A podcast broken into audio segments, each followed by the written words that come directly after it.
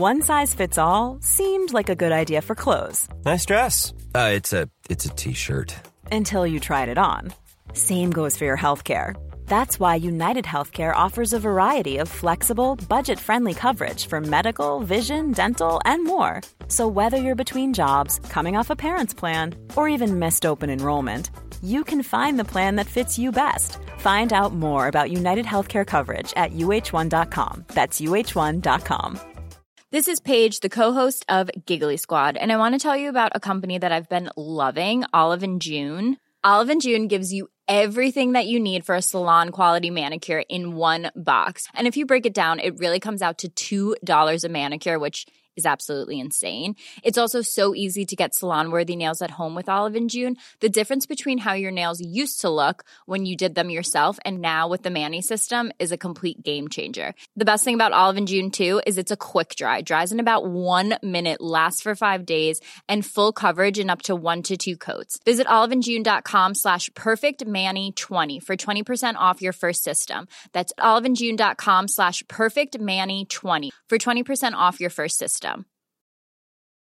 Hiring for your small business? If you're not looking for professionals on LinkedIn, you're looking in the wrong place. That's like looking for your car keys in a fish tank.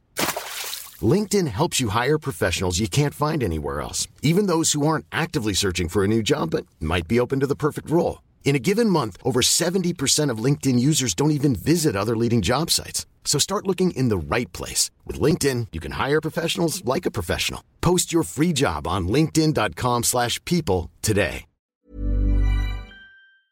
Det tast- Jeg syns det tastes fælt her borte. Ja, det tastes. Googler du sexologi eller sex? Nei.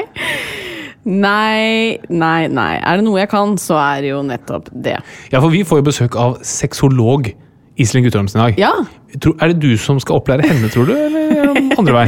ja, det skal jeg. Altså, Min mor og far har jo sagt at det er deler av podkasten de ikke lenger kan høre på, men de må hoppe over fordi du er så grisete.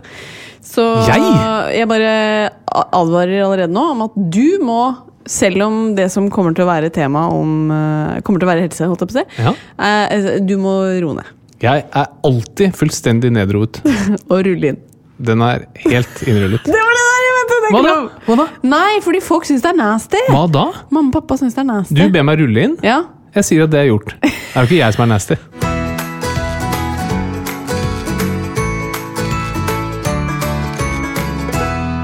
Hallo, og så hyggelig at du hører på Åpen journal. Ja, det er bare hyggelig å få være her.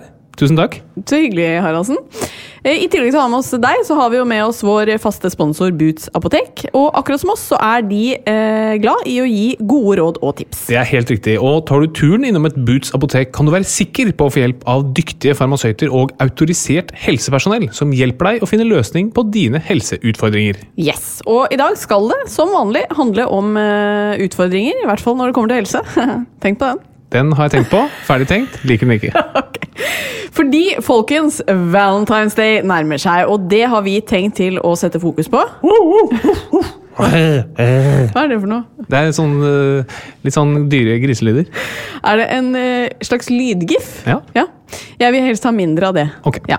Men Valentine nærmer seg, og eh, det betyr jo at eh, kanskje noen skal eh, kose seg litt med god mat og et glass rødvin.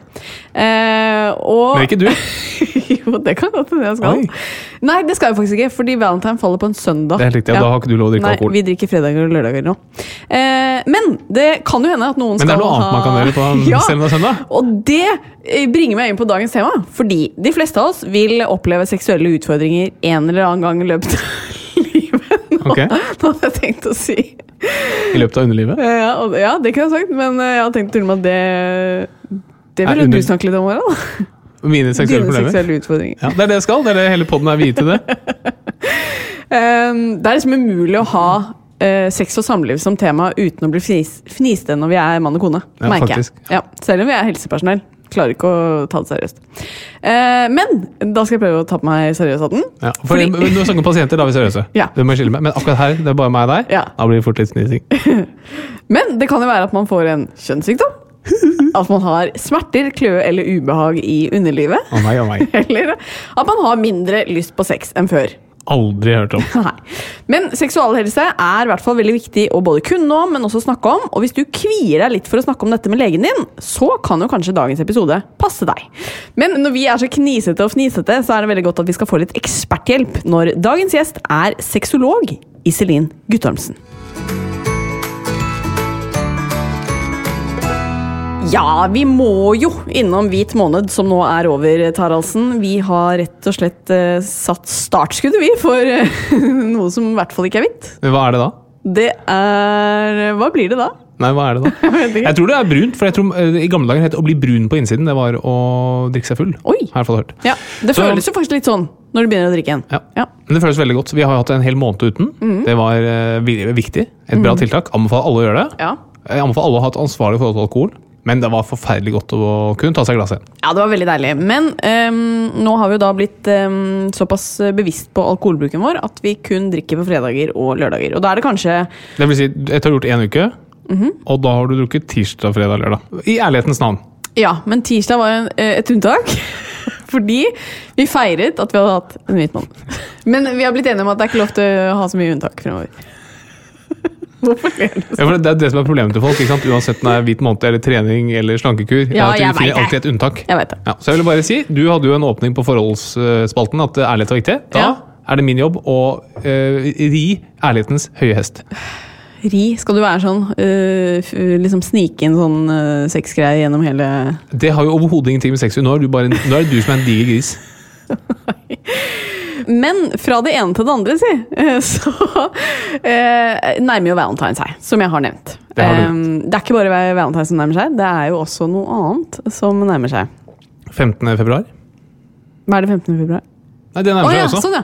Eh, nei, eh, det er morsdag på søndag. Er det det? Ja! Det er jo jeg denne uken som av en eller annen grunn plutselig skal ha den der helt Nei, ikke helt ærlig-spalten, men uh, forholdsspalten. Ja. Ja. Det er ikke bare en eller annen Hvorfor grunn. fikk jeg den igjen? Fordi du leverte utrolig dårlig i ja, forrige men denne gangen leverer jeg mye bedre. Okay. Uh, Og siden valentine og morsdag nærmer seg, så har jeg tenkt det at uh, jeg må få eksperthjelp fra noen som har vært gjennom mange flere valentine og morsdager enn vi har vært. Mhm. Nemlig mine foreldre, Oi. som har vært gift i 100 år, er det det? Er det 35 år? Ja. Og derfor har jeg spurt de om råd og tips når det kommer til valentine og morsdag. Så nå skal vi høre hva min far har å si. Her kommer pappas tips til deg når det kommer til valentine. Jeg vet egentlig ikke om det var så smart av deg, Katarina, å spørre meg, fordi at eh, som du vet, har jeg en liste som heter 'Det dummeste jeg veit'. Og helt på topp på den lista, på en ubestridt førsteplass, der ligger halloween.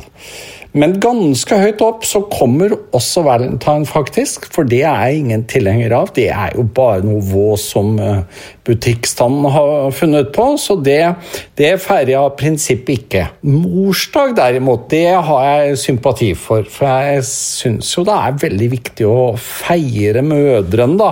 Og det sier jeg ikke bare fordi eh, din mor sitter ved siden av. Du er vel tilhenger av morsdag? Jeg er tilhenger av morsdag. Mm, vet du. tenkte Jeg jeg det syns det ikke. er en veldig fin minnedag, minnedag. Ja.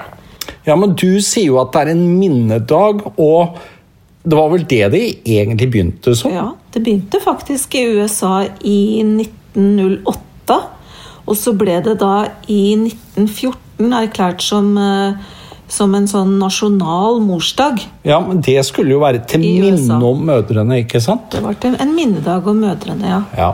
Gratulerer med morsdagen som kommer, da. Ja, ja, tusen takk. Altså, dette var en egen podkast, det var ikke noe tips her. Nei, Jeg vet ikke helt hva vi skal ta ut av det. Nei. Eh, hva, hva tar du ut av det? Jeg tar ut av at neste forholdsspalte blir også deg. Nei, nei, nei. Den er din. Noe annet, noe annet jeg ikke syns er gøy, det er jo vår eh, opplevelse på Megafys her om dagen. Ja! Ja. For nå har jo faktisk eh, bordet snudd.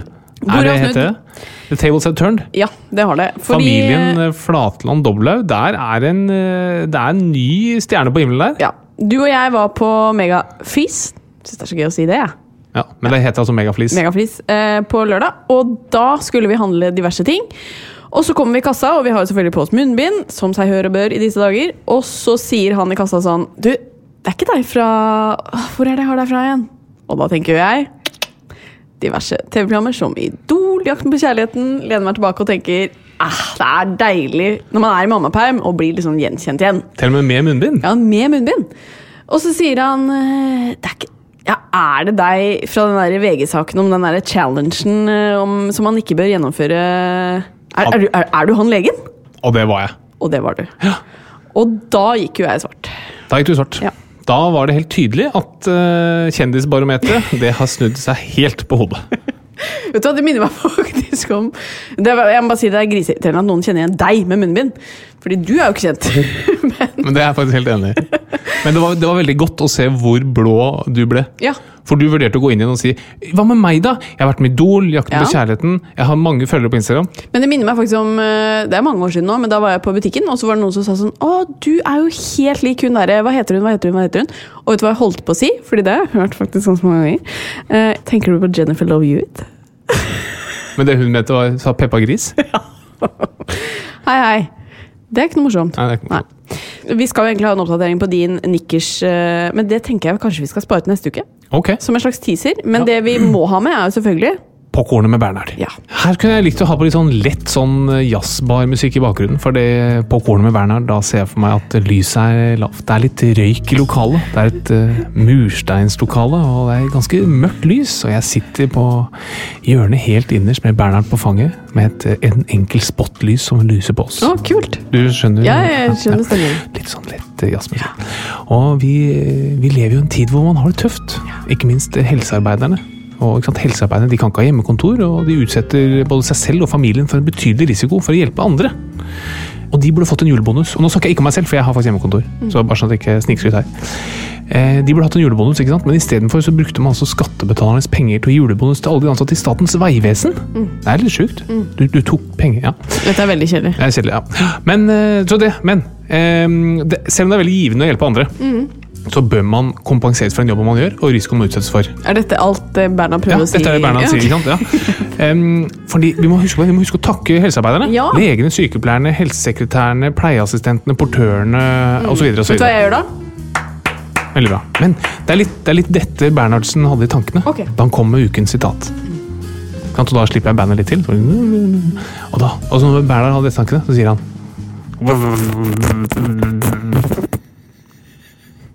Det var det? Det var det. Ja.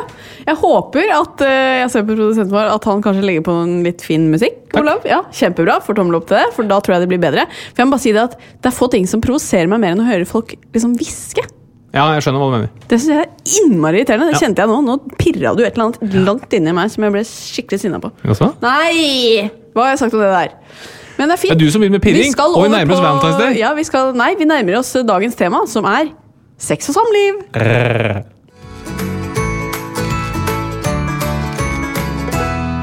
I dag så skal det handle om en del av helsa vår som vi kanskje er litt flaue for å snakke om. Ikke jeg, men kanskje du, Harald. Eh, og Ja. vi er gjerne litt flaue for å snakke om det med hverandre, men også med legen vår, og det er nettopp seksualhelse. Sex og samliv er dagens tema. Og du, Harald, du driver jo eh, helsetjenester med fokus på nettopp seksualhelse for både jenter og gutter, kvinner og menn. Hva er de vanligste problemstillingene som pasienter kommer med når det kommer til seksualhelse? Så Som lege så kommer de jo egentlig som regel med sånn konkrete kroppslige plager. Som at det svir når man tisser, eller man mistenker at man har fått klamydia, eksempel, eller at det klør nedentil, eller at man har litt endret utflod, eller at man har sår i underlivet. Ja, mye, sånn, mye å ta. Mye, men ganske sånn konkrete, straightforward problemstillinger. Ok. Opplever du at folk er flaue når de tar opp problemstillingen? Mm, nei, egentlig ikke. Folk har en enorm tillit til helsepersonell i Norge. Det er veldig, veldig bra. Og jeg har jo jobbet blant annet med videokonsultasjoner, og det har sett, jeg har sett mye snurrebass. Ja, for det er det ikke snaue med å vise Nei, på video. det. Det er det. Er jo fantastisk.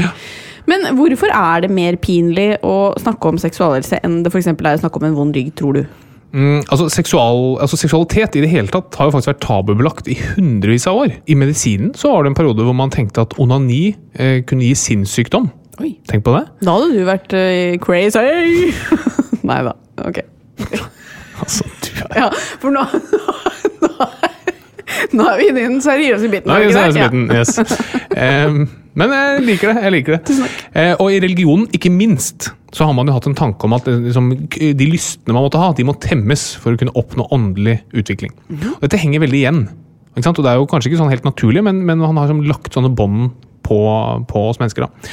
Og så er det veldig mye mer følelser og disiplin og lyster involvert i seksualhelse, som er litt mer abstrakt, og som du kan tenke at sier noe om en, en persons karakter i forhold til en vond rygg. da. En vond rygg kan jo bare være uflaks, eller at man har gjort noe som er akseptert. F.eks. at du har båret tungt. Sånn, jeg bar tungt i går, jeg har vondt i ryggen. Det er veldig sånn greit. da. Men hvis du kommer og så sier at du har syfilis eller hiv, eh, eller liksom smerter nedentil, så er det ofte relatert til atferd som det er vanskelig å snakke høyt om. Ja, det var en god forklaring på det. Takk for det. Men er det forskjell på hvilke problemer som tas opp av kvinner og menn? Ja, altså menn og kvinner er jo veldig forskjellige. Både fysisk og, og kroppslig, og mentalt. Og uh, da igjen som lege, hvor man ser mer disse konkrete fysiske problemene, så ser man jo veldig mye seksuelt overforbare sykdommer, selvfølgelig. Um, og her er jo kvinner flinkere til å teste seg enn menn. Det vil jeg bare si. Ja, kvinner er litt mer ja, de Det det. Ja. Jeg tror liksom generelt sett man kan si at kvinner ofte er litt mer sånn pliktoppfyllende på den type ting enn det menn er. Em, og så har jo også kvinner en kropp som gjør at de er mer utsatt for enkelte problemer. Ja. De har en anatomi som gjør at du for er utsatt for bakteriell vaginose, som er veldig vanlig, eller smerter ved samleie, eller uønsket graviditet. Det er Ja. veldig mye vanligere hos kvinner. kvinner. Gutter er mye, mer, eh, mye mindre utsatt for disse tingene, rent anatomisk. Er vi ikke også anatomisk mer utsatt for urinveisinfeksjon? For Jo, jo, absolutt. Fordi det er kortere vei opp til blæra hos kvinner enn det er hos menn? Er det mm, sånn? Mm, ja, Det det er er et eller annet med urinrøret, ikke sant? Ja, det er veldig mye kort, altså urinrør er mye kortere. Ja, og det er kortere vei også fra endetarmen til uh, urinrørsåpningen. Men uh, du nevner jo eh, litt problemer blant uh, kvinner, og noen kvinner opplever jo det som kalles for vaginisme. Hva er det for noe? Så Vaginisme det er en tilstand hvor man som sliter med å ha smerte ved vaginal penetrasjon. Og annet fordi muskulatur i underlivet strammer seg veldig. Et norsk navn på vaginisme det er skjedekrampe. Og Det kan oppstå for hvis du aktivt ikke ønsker samleie. Eh, Eller det kan være med kronisk vaginisme uten at man har noen sånn konkret utløsende hendelse. Og dette kan jo oppleves som eh, veldig eh, smertefullt eh, ved samleie, og selvfølgelig et stort problem da, for mange jenter og kvinner. Hvordan kan man behandle dette? Nei, Det er et veldig, Man må øh, gå veldig dypt inn i hva som har skjedd og hvorfor man har det og sånn. Det man ser, det som i hvert fall øh, professor Nesheim ved Rikshospitalet sier, er at det er, det er veldig tett relatert til nevrotisk øh, Altså hvis du er veldig sånn øh, har en nevrotisk personlighet, så er det, har du mye mer høyere sannsynlighet for å få vaginisme. Oi. At det er veldig mange ting som spiller inn. da. Og så blir det vel også sånn øh, at eh, man begynner sikkert å grue seg, og så Yes. blir det sant, en ond sirkel. Absolutt som- samme med ereksjonssvikt hos menn. Altså det, er, det er ekstremt komplisert. da. Så selv om man liksom ender opp med et fysisk symptom, som f.eks. om det er vaginisme eller ereksjonssvikt, så er det veldig mange mentale mekanismer som er med å spille inn. Ja. det er ikke for å si at dette er noe mentalt, eller at man er svak, eller at man det er som, Men bare vite at det er faktorer som spiller inn.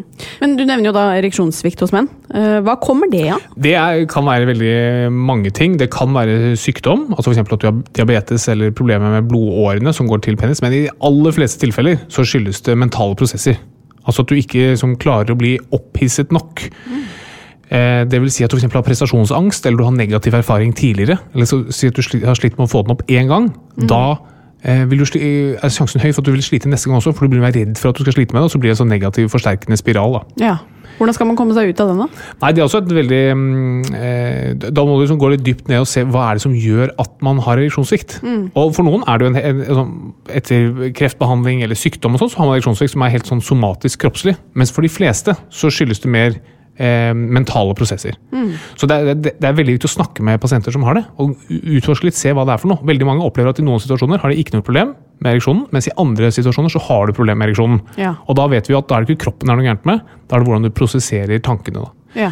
Og Viagra, for eksempel, som er et vanlig brukt eh, potensmiddel, det ble jo reseptfritt nå i 2020. var vel det. Og det sier jo litt om hva myndighetene tenker om ereksjonssvikt. ja. Før så måtte du gå til legen, snakke med legen, få resept. Nå kan du bare gå og kjøpe det. Men vil det kunne være uheldig å liksom begynne på det? Kan det liksom gjøre at du blir avhengig av det? Eh, ikke, ikke sånn kroppslig så blir du ikke avhengig av det. Nei. Men det kan godt Jeg tror, jeg tror personlig omvendt. da. Jeg tror det er mye bedre Jeg har veldig lav terskel for å skrive ut uh, ereksjonsmidler, fordi jeg tror veldig ofte det handler om å komme ut av en negativ spiral. Det vil si at når du, Hvis du først har slitt én gang med ereksjonen, eller liksom, kanskje du har slitt en gang etter du har tatt et par glass vin, og så vet du at det er Valentine's Day, og sånn, da ville jeg bare gitt en, eh, en ereksjonsfremmende pille. For at du skal komme ut av det. Og du får det til. Ok, kanskje du ikke trenger å ta pillen neste gang. Ok. Men der er man forskjellig, da. Ja. Men det er jo godt å vite at det finnes hjelp, tenker jeg. Absolutt, det finnes masse god hjelp, og man kan godt, Det er også viktig å sitte og prate ned og snakke om følelser og den biten der. og Det skal jeg ikke nedprioritere, men noen ganger så tror jeg du, du trenger bare liksom å få den opp. Fiks ferdig. Og da vil jeg gjerne legge til en ting. og det er det at eh, Selv om Viagra er blitt reseptfritt, finnes det veldig mange forskjellige typer som har litt forskjellig eh, profil. Noen virker lengre, noen må du ta mindre dose, noen gjør at du raskere får ereksjon osv. Så, videre. så bare vit det. Og det, det kan du få, det er reseptbelagt, så må du få hjelp av legen din. Ja. Men vit det. Men eh, damene på sin side kan jo ha problemer med at de f.eks. ikke blir våte nedentil. Hva kan det skyldes, og hvordan kan man behandle det? Så Normalt sett så skilles det ut fuktighet nedentil ved seksuell opphisselse hos kvinner. Og Det skjer via kjertler i skjeden, og disse kjertlene de er avhengig av østrogen. Eh, Så hvis du har for lite østrogen, som veldig mange kvinner har etter menopausen, altså etter de slutter å menstruere, som er sånn rundt eh, 50 år, så vil det ofte kunne bidra til at man ikke får den fuktigheten man trenger eller ønsker seg. Det er den vanligste grunnen. Men også igjen så er det jo det at du må ha eh, seksuell opphisselse, opphisselse for å få få fuktighet til. Det er nok den vanligste grunnen hos folk som er yngre. At det er ikke den ikke sant? Menn er mye enklere der. Det er ikke mye som skal til før man får ereksjon, mens kvinner er en mer komplisert organisme. Så vit det, at det er ofte problemet. At du da ikke, et, et eller annet ved situasjonen eller sånn som ikke er det komfortabelt nok, som gjør at du kun kan være opphisset. Og da fins det behandlingsmetoder. Yes, en, et bråte av behandlingsmetoder. Man må bare finne ut hvorfor er det da. Det kan, noen tilfeller kan også være for sopp i underlivet eller bakterievaginose, som også kan bidra til dette her. Så det er viktig å avklare det før man går på behandling. Det enkleste er selvfølgelig å bruke glidemiddel. da. Men hvis det vedvarer eller ikke løses med glidemiddel, så gå til legen og få hjelp, for det, det finnes. Yes. Ja. Og for de som er eh, etter menopausen, så fins det strogenkrem man kan Ja. bruke. Men det er jo en del sykdommer man kan få nedentil, og da snakker jeg om kjønnssykdommer. Hva er de vanligste? Det vanligste er klamydia og herpes og kjønnsvorter. Ja, Klamydia det er jo en bakterieinfeksjon som hele 5% altså 1 av 20 under 25 år, har klamydia hele tiden. oi, det er mange. Veldig, veldig mange. Altså under 25, er seksuelt aktive. Ja. Og det gir faktisk de fleste tilfeller ingen symptomer. Nei, og det er litt skummelt. Det er litt skummelt, også fordi klamydia kan i verste fall føre til nedsatt fertilitet for kvinner. Ja, Men hva skal man da gjøre hvis man ehm, Altså, Hvordan skal man vite at man skal teste seg på en måte, når man ikke har symptomer? Ja, Bra spørsmål. Eh, etter hvert partnerbytte skal du teste. Ja. Fordi det er så mange av disse som ikke har symptomer. Så herpes for eksempel, det er jo en av de vanligste. Det er jo dette klassiske smertefulle utslettet, men mange har herpes og har ikke hatt utslett. Og så er det kjønnsvorter. Det er dette HPV-viruset som gir vorter i underlivet. Men nei, man vet ikke. Det er veldig mange av disse her som er symptom, altså ikke symptomer. Derfor må du bare teste deg etter hvert partnerbytte. Ja, ikke sant. Um, men hvis man da får symptomer i denne til, hvilke symptomer skal man være obs på? Alt som ikke er som det skal. Altså De fleste kjenner sitt eget underliv såpass mye at de vet hvordan ting er når ting er normalt. Alt som avviker fra det, da ville jeg oppsøkt uh, lege. Ja. Så, men typiske ting er som hvis er sår i underlivet, eller svir, eh, vondt ved samleie, eller endret utflod, eller blødning. Mm, blødning også, ja. Blødning også. Blødning, Hvis du har eh, blødning mellom menstruasjonen f.eks., det, det kan være helt vanlig. Mens eh, første gang du oppdager det, ta og test deg, for det kan være tegn på kjønnssykdom. Ja, ikke sant. Du har nevnt eh, klamydia og eh, kjønnsvorter og sånn, men så er det også slik at det er en oppblomstring nå av gonoré. Ja, Hvorfor er det sånn? Det kan være flere ting, men det kan, det kan være liksom, eh, at man reiser mer. Eh, også er det jo en del miljøer som har fått medisiner mot andre ting. For eksempel har man nå veldig god behandling mot hiv, sånn at eh, noen miljøer er ikke så eh, Altså man har ikke samme argument for å bruke kondom, f.eks. Og det betyr at man beskyttes mot hiv, men andre kjønnssykdommer blomstrer opp, sånn som gonoré. Og gonoré det gir sånn typisk utflod, da, fra, enten fra urinrøret eller fra baken, hvis du har gjort noe baki der. Eh, Men det kan også være uten symptomer. Ja, ikke sant. Um, men uh, ulike sykdommer smitter jo på ulike måter, og det trenger jo ikke bare å skje ved vanlig samleie. Stemmer ikke det? Det er helt riktig. En del sykdommer kan du både gi og ta via halsen og munnen. Og endetarmen er jo et yndet sted for kjønnssykdommer. Eh, Og f.eks. hiv det smitter jo via blod. Ikke sant. Hiv det tenker jeg at vi skal ha en egen episode om, fordi det er såpass interessant Ja. og mye å si om. Men dette med at man husker på at man kan eh, smittes oralt også, syns jeg er litt viktig å få fram. Det er kjempeviktig, fordi Ja. veldig mange kjøper enkle tester på uh, nettet. Ja. Eller, går også, eller kommer til uerfarne, uerfarent legepersonell. Og så vet ikke det personellet at de også tester deg i baken og i halsen. Mm. Så bruk alltid gode steder når du skal teste. Ja, og det som er viktig er jo at man eh, må ikke bare eventuelt teste seg selv og behandle seg selv, man må også eh, behandle partner, ikke sant? Ellers så kan man jo behandle seg selv, og så bli smitta av partner igjen. Men Ja, noen, du, ja, du skal i hvert fall si til partner at eh, vedkommende burde teste. Ja, for det, det er det jeg skal til. For noen syns jo kanskje det er litt kleint at de må liksom melde fra om en eventuell smitte til partnere de har hatt sex med. Men dette finnes det jo egentlig et regelverk for også. Ja, og det er faktisk veldig strengt, dette regelverket. Um, fordi en del av disse sykdommene, bl.a. klamydia, det kalles for allmennfarlig smittsom sykdom. Og klamydia og gonoré, hiv, er disse tingene. Og når det er en allmennfarlig smittsom sykdom, da er det ganske strengt regelverk, og det gjør at man er pliktig til å gjennomføre smittesporing. Det betyr at man er pliktig til å opplyse hvem man kan ha fått det fra, og hvem man kan ha gitt det til. Og da må man sørge for at smittesporing skjer. Men dette kan skje helt anonymt. Og legen eh, har pliktig til å gjøre dette her. Er pliktig til å gjøre dette. Så du, kan si til, du er som pliktig til å fortelle legen hvem du kan ha fått det av, og hvem du kan ha gitt det til. Det er ikke straffbart å ikke gjøre det, men man er pliktig til å gjøre det.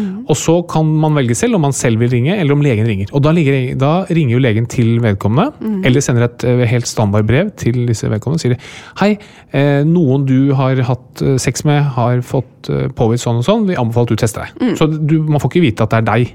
Nei. Det folk sikkert har litt noia for, at de tenker at man bare har hatt én sexpartner, da, sånn at den blir Ja. fort avslørt. Ja, jeg skjønner det. Men, det, eh, det er jo sånn regelverket er. Man må melde fra. Og det er en grunn til det, ikke sant? Altså, særlig kvinner. Når mange, mange har klamydia, tenk at du reduserer sjansen for å kunne få barn. Det er veldig alvorlig. Ja. Sånn at ja, Det er selvfølgelig potensielt litt dritt og litt kleint, men det er potensielt ganske dritt og ganske kleint å ikke kunne få barn hvis Ja. man vil ha barn. Det er veldig viktig.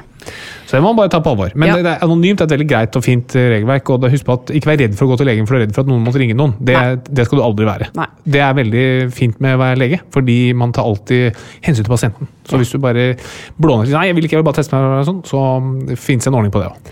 Men øh, det finnes jo en veldig enkel måte å beskytte seg mot alt dette på. Det er å bruke kondom, folkens! Eller være avstående. Ja, det er en kjempefin måte å Ja, gjøre du det på. burde hatt en helt egen episode om det.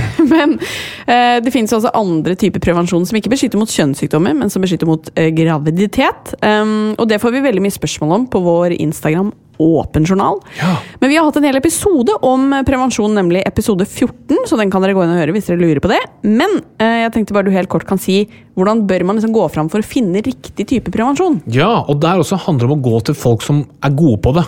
Fordi det er nå i det siste vært veldig mye fokus på negativ effekt av prevensjon. Og man ser liksom influensere som slutter for p-piller fordi hormonene ga bivirkninger og sånn. Det må du ikke bry deg om. Det er bare tull. Nonsens, alt sammen. Det er helt riktig at de har opplevd det. Det er helt riktig at eh, det er kanskje bra for de å slutte, men det skal ikke påvirke ditt valg. Fordi det du skal huske med prevensjon, det er at prevensjon skal alltid gi økt livskvalitet. Det skal gi økt livskvalitet. Hvis prevensjonen ikke gir deg det, da må du bytte prevensjon. Og hvis du ikke finner en som gir økt livskvalitet, skal du slutte.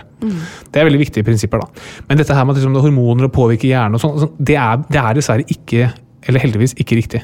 Men du skal aldri finne deg i å gå på prevensjon som ikke gir deg økt livskvalitet. Men det beste man kan gjøre, er å gå til noen som vet hva de driver med.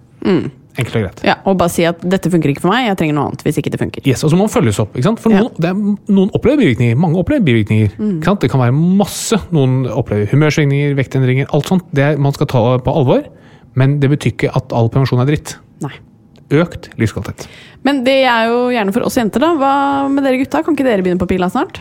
Eh, det har det vært mye snakk om, og det tror jeg for helt ærlig ikke. Nei. Og grunnen til det, som jeg har sagt tidligere, er det at det fins en naturlig tilstand hvor kvinner ikke kan bli gravid. Så det er veldig lett å etterligne den tilstanden i kroppen. Ja, hva, mener du? Når kvinnen er gravid, Ja. når kvinnen er gravid ja. så kan du ikke bli Nei, gravid på nytt. Og så etterligner vi den, ja. Så du bare etterligner det. Mens for menn er det ikke noe sånt. Nei, sånn så man tester ut noen piller, eh, altså mm, prevensjon, og det de gjør, er at de eh, hemmer sædcellene. Og det er fint og greit. Men problemet er at det tar ganske mange uker til måneder å lage en sædcelle. Sånn at fra du begynner å ta denne prevensjonspillen for menn, til den er effektiv, så tar det altså flere måneder. Ja. Og det virker litt uh, uhensiktsmessig. Men absolutt. Og mange menn eh, gjør jo mm, vasektomi, altså de steriliserer seg. Absolutt et fint alternativ. Ja. Men dette med en sånn hormonell pille, nei. Og viktig innspill der.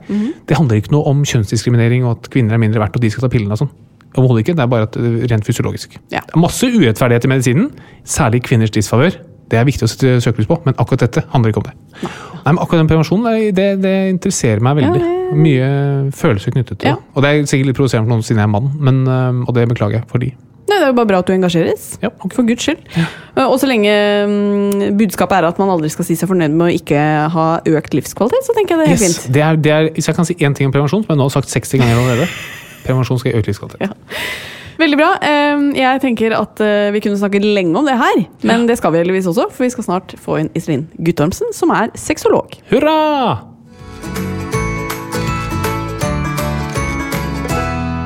Da har vi fått et spørsmål som er relatert til ukens tema. Og det går som følger. Hei, jeg er genuint nysgjerrig og håper ingen blir krenket, men hvorfor er det slik at noen gutter holder lenger og noen kortere i senga? Ja, bra spørsmål. Altså først, Krenking dette kan ikke noen la seg krenke av, Nei. fordi dette er jo et faktum. Og vi må ikke la oss krenke av eh, faktum. Men noen menn eh, holder kortere enn andre. Sånn er det bare. Og grunnen til det er litt eh, sammensatt. Det ene er det at noen menn er mer sensitive nedentil. De har rett og slett et mer sensitivt underliv, som gjør at det skal mindre stimulering til før man ikke klarer å holde lenger. Og så er det også det at uh, hvor opphisset man er, og tankeprosessene sine, har veldig veldig mye å si. Noen ganger så klarer man ikke å kontrollere hvor opphisset man er. Det kan være hvis det for er lang tid siden man har hatt eh, samleie, eller det kan være andre ting. Men dette kan trenes opp mentalt, og så finnes det også en del medikamenter som kan hjelpe til. Ja, Så her er det råd å få. Ja, så det er litt det samme som at noen kvinner kan få vaginal eh, orgasme, og andre kan ikke. Vi er bare forskjellige. Ja. Men hjelp, det kan man få. Og som vi pleier å si i seksualundervisningen, alt er normalt. Alt er normalt.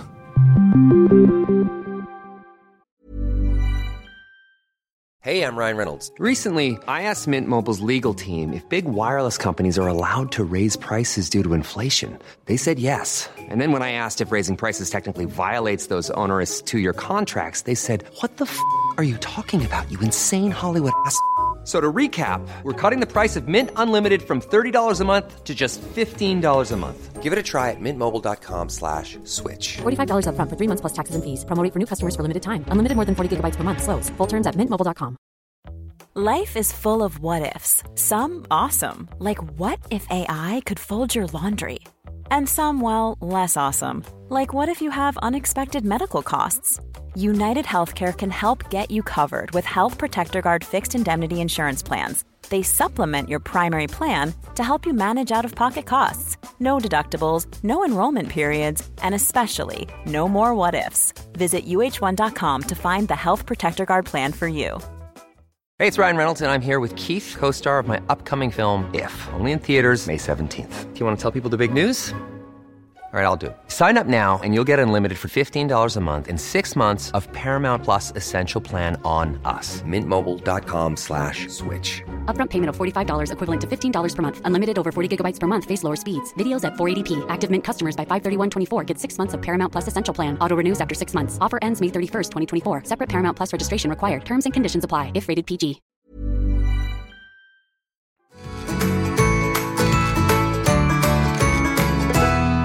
Dagens gjest er befriende ærlig og direkte. Hun er sexolog, podkaster, blogger, og for tiden kan dere også se henne i 71 grader nord.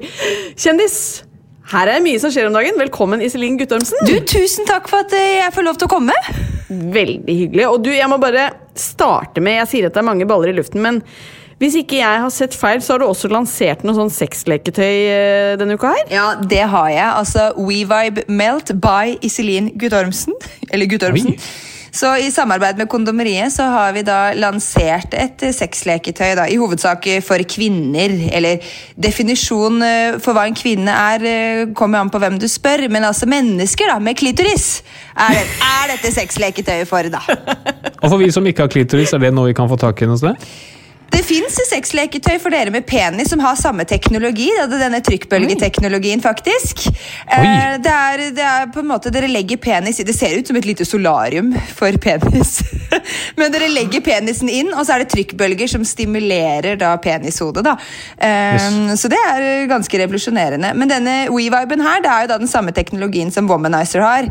Altså med, da, med trykkbølger. da. Så det, det er ikke noe som tar direkte på klitoris, det er bare rundt klitoris, og så sender det eh, trykkbølger. Så det stimulerer alle de 8000 nerveendene da, på klitorishodet. Så det er ganske rått. Jøsse navn. Ja, det er jøsse navn. Og hvordan har responsen vært på dette V-vibe-greiene? Du, Den har vært enorm. Det har vært både, altså Menn har jo bestilt i hytt og gevær til Valentine's Day og morsdag.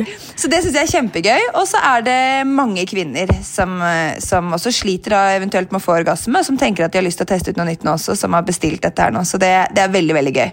Kult! Men for at det, det, Vi er litt sånn glad for at vi har med deg i akkurat denne episoden. her, Ja. fordi vi har jo snakket om eh, seksualhelse i dag, sex og samliv, alt fra liksom kjønnssykdommer til vaginisme, litt forskjellige ting. Um, og vi merker jo, selv om vi er liksom helsepersonell, at vi, vi når vi sitter og snakker Nå er det jo mann og kone, da, når vi snakker om det oss imellom her, så, så fniser vi litt, liksom. Ja. Eh, men du eh, har liksom null problem med å snakke om disse tingene. Nei, jeg eh, har ganske Nei, jeg syns ikke det er noe flaut. Og det er jo selvfølgelig ting også som man begynner å fnise litt av, selv om man har vært kjærester i over ti år også. Men det er jo på en måte det som har vært målet mitt òg, med å prate så åpent om kropp og seksualitet. er jo at det ikke skal være så flaut. Og du kan tenke deg, tenk at Vi syns det er litt flaut når man er mann og kone og man har vært kjærester så mye i over ti år, og så begynner man Det er litt sånn flaut. Altså, Hvordan Ja. kan man forvente da at folket for eksempel, da skal åpne seg til dere som leger? da?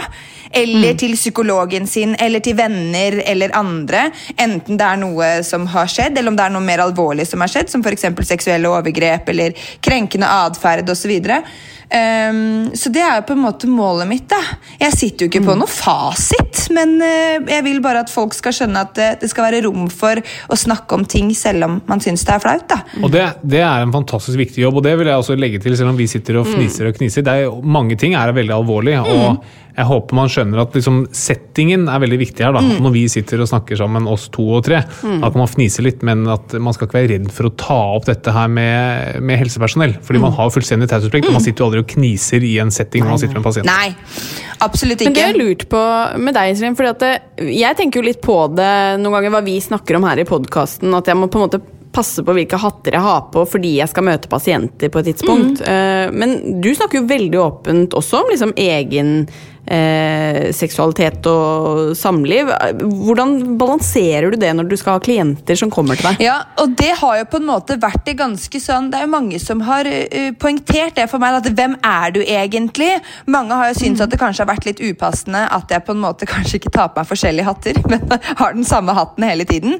Eh, men jeg også tilpasser meg jo eh, situasjoner i livet og de forskjellige rollene jeg er i, og hvilke forskjellige settinger jeg er i. Eh, Men nå startet jo jeg også sånn i hovedsak eh, som en hva skal man si, en influenser. Jeg begynte å prate om kropp og seksualitet og blogge mye om disse tingene. Uh, og så har, jeg, så har jeg tatt med følgerne mine på reisen til å bli sexolog. Så det er på en måte, Jeg har på en måte ikke vært en, en, eh, en utdannet sexolog som har vært høyt respektert i mange mange år, og så plutselig skal jeg begynne å dele om utflod og menstruasjon. Eh, Jeg har liksom hatt med folk på, på reisen opp igjennom, så jeg tror det har bare blitt en sånn naturlig, naturlig del for meg, rett og slett. Og for følgerne mine, ikke minst. Men er det noe du ikke snakker om? Eller ikke deler? Ja, jeg har, jo- jeg har jo et filter, tro det eller ei. um, det er jo mange ting. Altså, jeg har jo barn og så videre også. Men, um, men det meste er på en måte jeg vet ikke, jeg, jeg føler på en måte at vi som samfunn og vi, vi som lever i dette samfunnet, vi får liksom Sex får vi prakka i trynet uansett hvor vi går. Om det er via populærkulturen, sosiale medier, også når jeg var ungdom, eh, eh, altså MTV, musikkvideoer, ikke sant? Eh, pornografi, filmer, reklamer.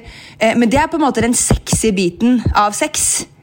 Og sex er så mye mer enn bare sexy. Det er masse følelser, um, det er mye flauser, det er masse ting. Det, det er lukter, det kan være konsistenser, væsker altså Det er så mye mer, og ikke minst masse, masse følelser. Um, så det, vi får liksom sånn feilaktig bilde da, av hvordan sex og kjærlighet egentlig er. Og da tenker jeg at da må vi tørre å prate om hva sex hva, hva er egentlig sex?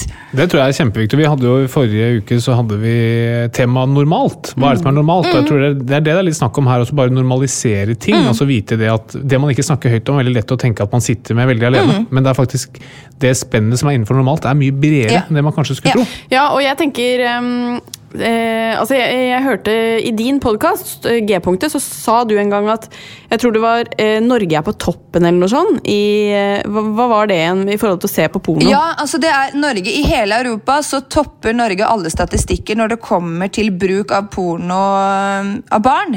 Altså at barna i Norge ser mye mer på porno enn øh, noen andre land i hele Europa. Eh, Og det er barn da fra 9 til 14 år. Eh, Og det er fordi vi er velferdsland. Vi har iPader, vi har eh, telefoner, de har lett tilgang til, eh, til internettet. Eh, Men det gjør jo da også at, at barna våre da, i, i barneskolealder eh, ser ganske Det er ikke bare nakenhet og kropp og seksualitet, det er grov porno. Det er svære peniser i monitor og glattebarberte vaginaer og lange altså Det er hardcore porno. Eh, Og det er klart at eh, det former et eh, barn når det blir eksponert for så tidlig. Og Det er sikkert en sånn vanskelig balansegang mellom hvor mye du skal snakke om det og åpne opp den døra selv, og hvor mye du skal bare ignorere det. For det er, det er ganske jeg tenker liksom åtte-ni år, liksom pornografi liksom, Nei, dette kan vi holde tett om i hvert fall en eh, fem-seks år til. Men spørsmålet blir jo da er det kanskje bedre å få det i litt kontrollerte former av eh, som tillitsfulle autoritetspersoner, Ja. istedenfor å måtte gå, gå og gjøre det på bakrommet. Ja, og det er jo et av formålene mine da, med å prate så åpent om kropp og seksualitet også med barna mine. Og prøve å, å, å fortelle foreldre at det er helt ufarlig. Veldig mange foreldre er jo, eh, får jeg inntrykk av, eh, er redde for å snakke med barna sine nettopp om kropp og sex og grenser, fordi eh, mange tror at de setter griller i hodet på barna. At herregud, nå skal jeg snakke med datteren min på sju-åtte år om kropp og sex og porno, altså hun har aldri tenkt på det, og nå som jeg har sagt det, så kommer hun til å gå inn og google og se etter. Eh, Men sannheten er jo det at vi kommer ikke unna det. Barna våre kommer til å utforske, og de kommer til å finne ut av det. De kommer til å se porno, enten det er eh, på film eller nettet eller hva det nå måtte være. Eh, og fordi jeg har hatt så åpne prat med barna mine, så kommer jo nettopp dattera min og forteller meg da, se hva jeg har lært på skolen. Og hadde hun følt at det er ikke greit å prate med mamma om, så hadde jo ikke jeg visst det. Og så vet jeg at datteren min på ni år da, eh, sammen med kamerater og venninner, ser på ganske hardcore porno, eller har fått det opp på skjermen og sitter og ler og kniser. Og, og noen gråter jo til og med, for det var jo så sterke inntrykk. Eh, og så hadde ikke jeg visst det. Så jeg, så, og så Studier viser jo også det, da, at barn Eh, som har denne praten med foreldrene sine eh, om kropp og seksualitet og grenser. De debuterer mye senere seksuelt, eh, og de debuterer mye tryggere. altså Både med en person de er trygge på å stole på, men også når det kommer eh, med tanke på med prevensjon, da, altså med kondom. Jeg kan forstå at foreldre syns at det er veldig ubehagelig, men jeg tenker at såpass skylder vi barna våre. Eh, fordi vi lever dessverre i et samfunn hvor, eh, hvor porno er så lett tilgjengelig. da. Nå har vi snakket en del om hvordan det påvirker barn, men du har jo ø, voksne klienter ikke sant, som kommer til deg. Um, hva er det, det er sikkert veldig vanskelig å generalisere, da, men hva er det liksom kvinner oftest eh, trenger hjelp til? Sexlyst. Sexlyst, ja. Ja, ok. Og, og temme den, eller? Ja, Ja, det er problemet mitt. ja, ja men det er, det er sexlysten, rett og slett. Eh, Og spesielt da eh, det- altså det, Og det varierer. Det er både, både etter fødsel, eh, altså småbarnsperiode, vært sammen i mange år, eh, utroskap, ikke minst. Eh, Så men sexlyst er Og så er det en del menn også som kommer da med ereksjonsproblematikk. da eh, og som skammer seg veldig over det. Og det er enda mer flaut å prate om. Eh, For veldig mange menn, i hvert fall. Um, så det er på en måte Men det, mye av det eh, ligger i, um, i sexlyst. Uh, og nå i det siste faktisk så er det blitt enda flere kvinner som tar kontakt fordi de har smerter i underlivet. eh, og forskjellige lidelser knyttet til det kvinnelige kjønnsorgan som veldig få. Det vet jo dere også sikkert mye mer enn meg om også. Men uh, vaginisme osv. Og, så videre, og er det noe som heter Lichtenstein Nei, det er uh, Lysen? Sklerosus. ja, ja. Eh, Og masse, masse og, eh, Det det er ganske mange lidelser som man ikke vet om, så man, hvor man skjønner da at okay, den kvinnelige seksuelle helsa, den, det, der har vi mye å lære, rett og slett. Ja, ikke sant? Ikke, du har ikke så mye å lære, Katarina. Nei, jeg kan alt. Yeah. Men eh, ikke sant? Du, eh, hvis vi da tar kvinner og menn litt under ett, da. Mm. eh, Gutta kommer med ereksjonssvikt, og, og kvinnene som kommer med, med manglende eh, sexlyst, for å ta det. Hva, hvordan jobber du med dem? Åh, det er, her er det jo ikke noe fasitsvar, fordi vi er jo alle forskjellige og unike individer. Eh, men det veldig mange får en åpenbaring på, er vel hvor eh, mye hodet og, hjerte trenger eh, og er knyttet til eh, lysten vår, da, og til underlivet vårt. Eh, det er jo liksom klassisk at mann og kone kommer, mannen sier hei, vi sliter med sex i parforhold. Jeg har veldig lyst, hun har ikke lyst. Fins det noen piller? hva hva Ja. kan vi gjøre? En blå pille. um, og så er det så mye mer komplekst enn som så, da. Eh, og da må jeg bli kjent Jeg må bli kjent med klientene. Hva skjer i livene deres? Vi følger en sånn sunnhetstrekant. ikke sant? Søvn, eh, kosthold, mosjon, eh, arbeidsrutiner. Og veldig ofte så viser det seg at det er ting i livet, altså det sosiale livet til, til disse menneskene, som påvirker seksualiteten vår i så stor grad. Eh, han ene, for eksempel, han eh, er jo, En klassiker er jo menn som da sliter med ereksjon. Og så viser det seg at de kanskje har det problematisk på jobb. Eh, det, de, altså da, spesielt under korona, permisjon. Eh, Samboer ønsker at de skal få barn. Eh, altså det, det er masse ytre faktorer som påvirker. da Så man tenker at herregud, det er ikke rart til at denne mannen her ikke får ereksjon, selv om han er aldri så kåt. Fordi at det er så mye som skjer oppi hodet. Eh, og så har man selvfølgelig mange øvelser da, som man kan tilpasse de forskjellige parene. Um, og når det kommer til kvinner, så er det jo sånn i all hovedsak å finne ut om kvinnene har lyst til å ha lyst. da. Altså, Jeg hadde en periode fy fader, jeg hadde en tørkeperiode etter, eh, sikkert etter begge barna òg. Hvor jeg bare sånn, jeg tror vi hadde ikke hatt sex på ti måneder, eller noe, nærma seg året. Eh, og folk bare 'herregud', og jeg bare 'jeg har det egentlig ganske fint'. Ja. Jeg, jeg, jeg savner ikke sex i det hele tatt. Det, er, det, er, det fins ikke i, i systemet mitt. og på en måte, Jeg sliter ikke med at jeg ikke har sexlyst, for jeg har det egentlig jævlig digg. Og det tror jeg også er et veldig viktig poeng. er at hvis, hvis, hvis man har det greit med det, så er det ikke noe problem. Altså Det er jo ikke noe som er et problem i seg selv. Nei. Det er først et problem hvis man opplever det som et problem. Ja, Eller den andre opplever det som et problem. Ja, og det som ofte skjer da, det er jo det at veldig spesielt i og med at jeg prater med veldig mange kvinner eh, jeg sier, Dette gjelder jo også menn også, men eh, ja, jeg tar utgangspunkt i alle kvinner jeg prater med. Så ender det jo ofte med da, at man har mye pliktsex. Fordi du har dårlig samvittighet, fordi at du ikke er nær med partneren din. Og her igjen kommer jo disse fem kjærlighetsspråkene. ikke sant? At man snakker forskjellige språk. og uh, altså altså, og Et veldig sånn typisk eksempel på det er jo at menn uh, ofte i de samtalene jeg har hatt, jeg sier ikke at det er fasiten, men veldig ofte så har de fysisk kontakt, nærhet og sex som et kjærlighetsspråk. Det er da de føler seg elsket. Uh, mens kvinnen har et annet kjærlighetsspråk. Og så Én ting er hva slags kjærlighetsspråk du utad prater for å vise eh, partneren din at du elsker eh, hen. En, den, an, den andre siden er jo hva slags kjærlighetsspråk du selv ønsker å motta for å føle deg elsket. Eh, og da har man jo liksom, Du har fysisk kontakt, nærhet og sex, som er det ene kjærlighetsspråket. Og så har du anerkjennende ord, som er et kjærlighetsspråk. Eh, og så har du tid. At hvis partneren din setter av tid, så føler jeg meg elsket. Um, og så er det tjenester.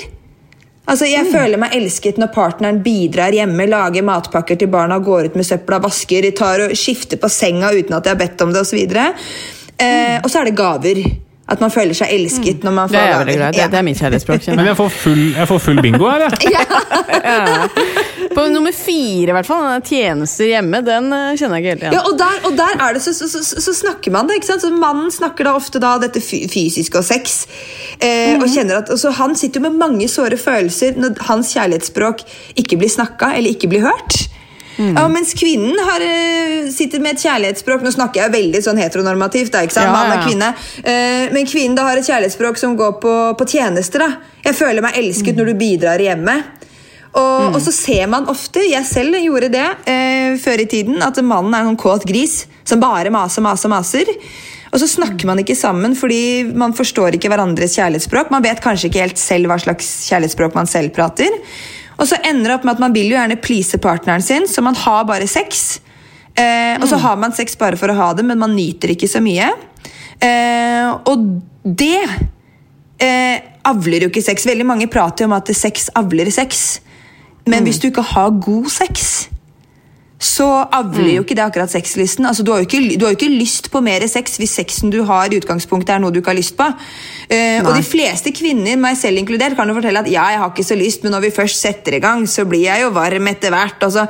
Men det eh, utgangspunktet mitt når jeg da uh, går til køys med, med partneren min, er det at dette er et ork, dette er et slit. Og når det er tankene du forbinder med sex så er det jo klart at det er ikke tanker du trigger etter som gjør at mm, fy fader, dette har jeg lyst på mye av. For det, altså, det blir negative tanker knyttet til en opplevelse som egentlig er jævlig fin og positiv. Eh, Og da, kan, da må man begynne å jobbe med alt det andre i forholdet. Da, ikke sant? Hva er det som skjer ellers i forholdet for at tankene dine skal være positive når du går til sengs med partneren din. Eh, og da har du de gutta som bare 'Nå har jeg gått ut med søpla i tre dager i strekk, og da er hun fort, fortsatt ikke kåt!' Ikke sant? og da sier jeg at det, ja, det krever litt mer enn det, da. Det er skuffende. Ja. Tre dager. Ja, ikke sant? Det hadde vært lenge. Eh, herregud, vi kunne snakka med deg i timevis, Iselin. Vi skal snart gå til quiz. Ja. Men det eh, siste jeg hadde tenkt å høre med deg om, er at vi nærmer oss valentine. Og eh, når vi først har det her, så må vi jo benytte dette, Fordi ellers så må vi jo booke henne. ikke sant? Ja. Vi er jo nybakt foreldre. Ja. Eh, og jeg vet at du har snakket om det at liksom etter fødsel så var det en tørkeperiode. Eh, Det er helt ukjent. det er helt ukjent. Nei, men jeg tror alle kan kjenne seg igjen i at liksom, du får barn. Det, det er litt andre ting som tar fokus. da. Hva er dine liksom, beste råd til oss som nybakte foreldre for å liksom, eh, ikke bare for sexlivet vårt, men også for liksom, samlivet? Altså det å fortsette å være kjærester. da. Det er jo veldig sånn klisjé å si eh, kommunikasjon, og veldig kjedelig også.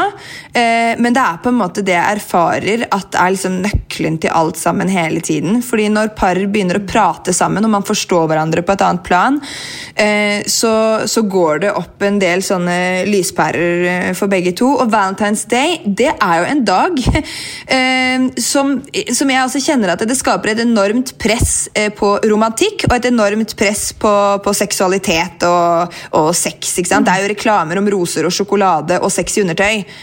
Og jeg blir litt sånn der, Du kan ikke servere meg eh, eh, konfekt med sjokolade og forvente at jeg har lyst til å ta på meg sexy undertøy og føle meg fresh etterpå. Altså Enten så må det være sjokolade, joggings og Netflix. Eller Ja, deilig å høre. ja, eller så må det være ta meg med på en gåtur, og så kan jeg heller føle meg litt sånn eh, fresh og fin etterpå. Mm. Ja. Men det er, bare, det er bare sånn jeg er, da.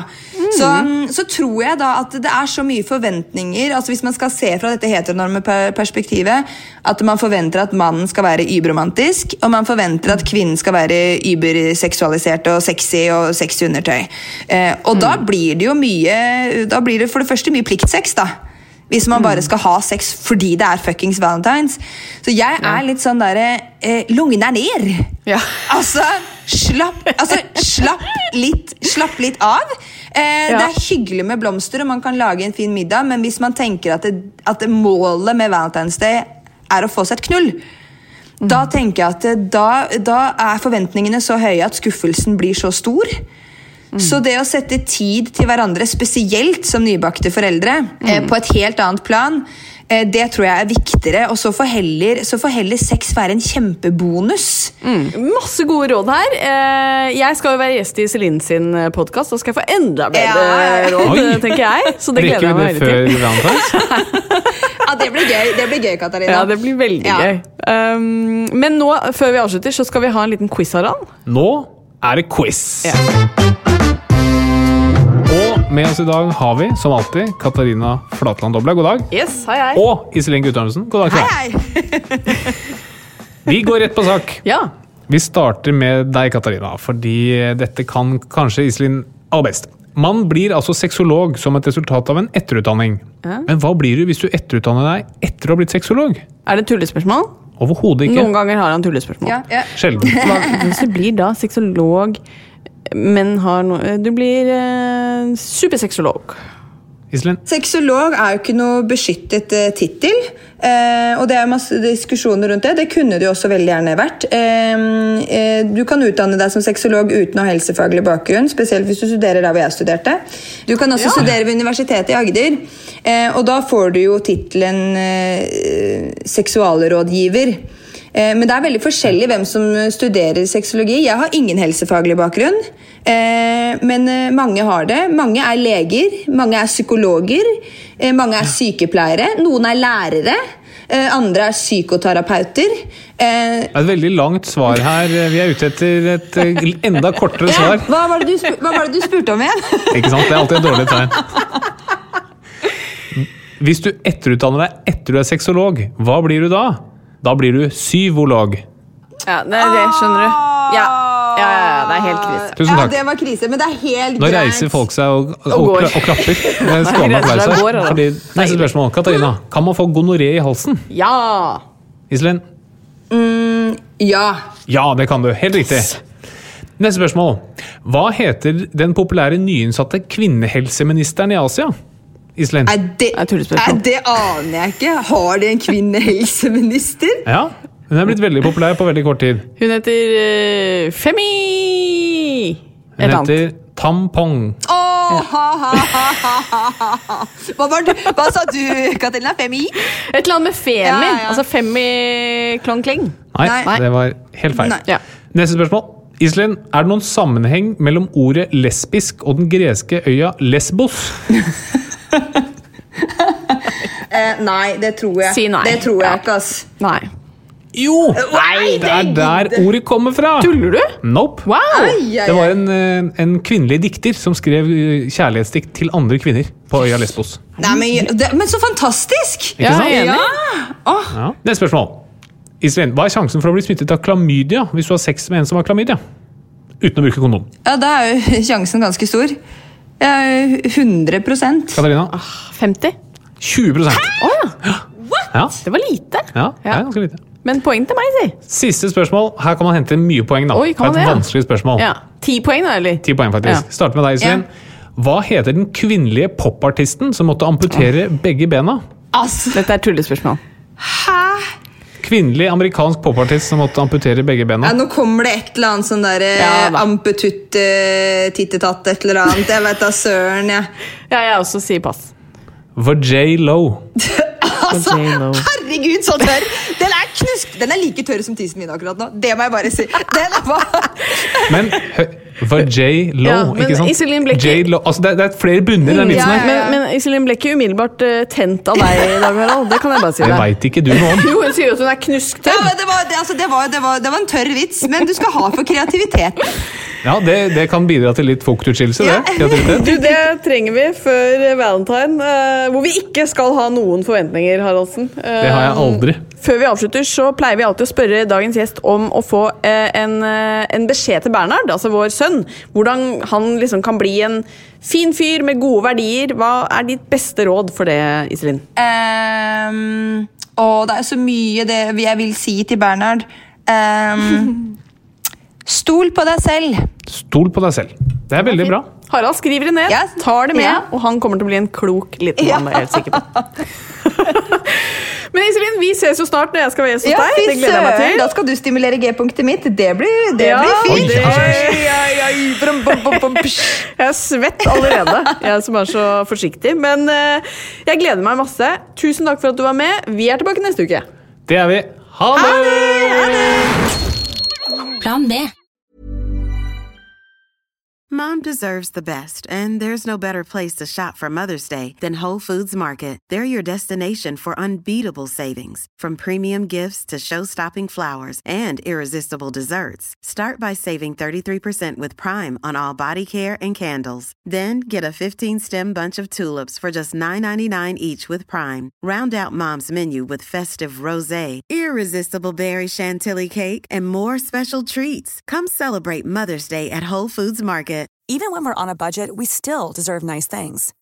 Quince is a place to scoop up stunning high-end goods for 50 to 80% less than similar brands. They have buttery soft cashmere sweaters starting at $50, luxurious Italian leather bags, and so much more.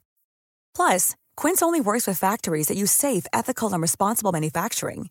Get the high-end goods you'll love without the high price tag with Quince.